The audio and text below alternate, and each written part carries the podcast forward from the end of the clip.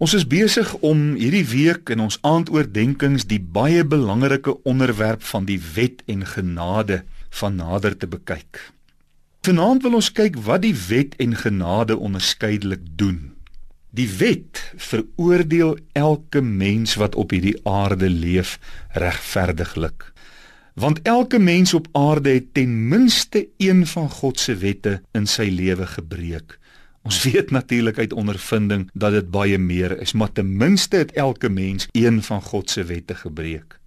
Nou sê Jakobus 2 vers 10: Want wie die hele wet onderhou, maar in een opsig struikel, het aan almal skuldig geword. Daarom veroordeel die wet elke mens. Ek het die voorreg gehad in April hierdie jaar om in Nederland te gaan preek.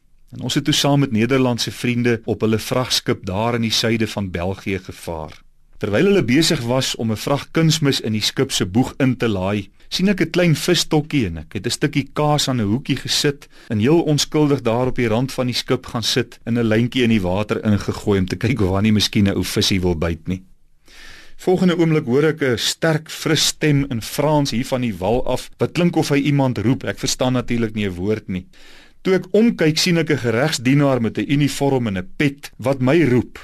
En daar vind ek met 'n skok uit dat ek een van België se wette oortree het. En net daar en dan het ek 'n allemintige boete op die hals gehaal. Een enkele oortreding. Ek het nie eens geweet ek oortree die wet nie. Maar die wet sê jy is skuldig en ek moes die boete betaal. Romeine 3 vers 20 vanuit die Lewende Bybel sê: Daar is geen mens wat sy saak by God kan regmaak deur te doen wat die wet sê nie. Wat wel gebeur is dat die wet vir die mens wys dat hy sonde gedoen het. Kortom, deur die wet sien ons almal is skuldig voor die Here. Wat doen genade? Genade kom na die sondaar, die wetsverbreeker en bied vir hom verlossing in Christus aan. Genade is gewillig en gereed om 'n sondaar wat in berou na God toe vlug, geheel en al vry te spreek en te red. En hoe wonderlik is dit dat Titus 2 vers 11 vir ons leer want die reddende genade van God het aan alle mense verskyn. Hoe? Aan die kruis van Golgotha.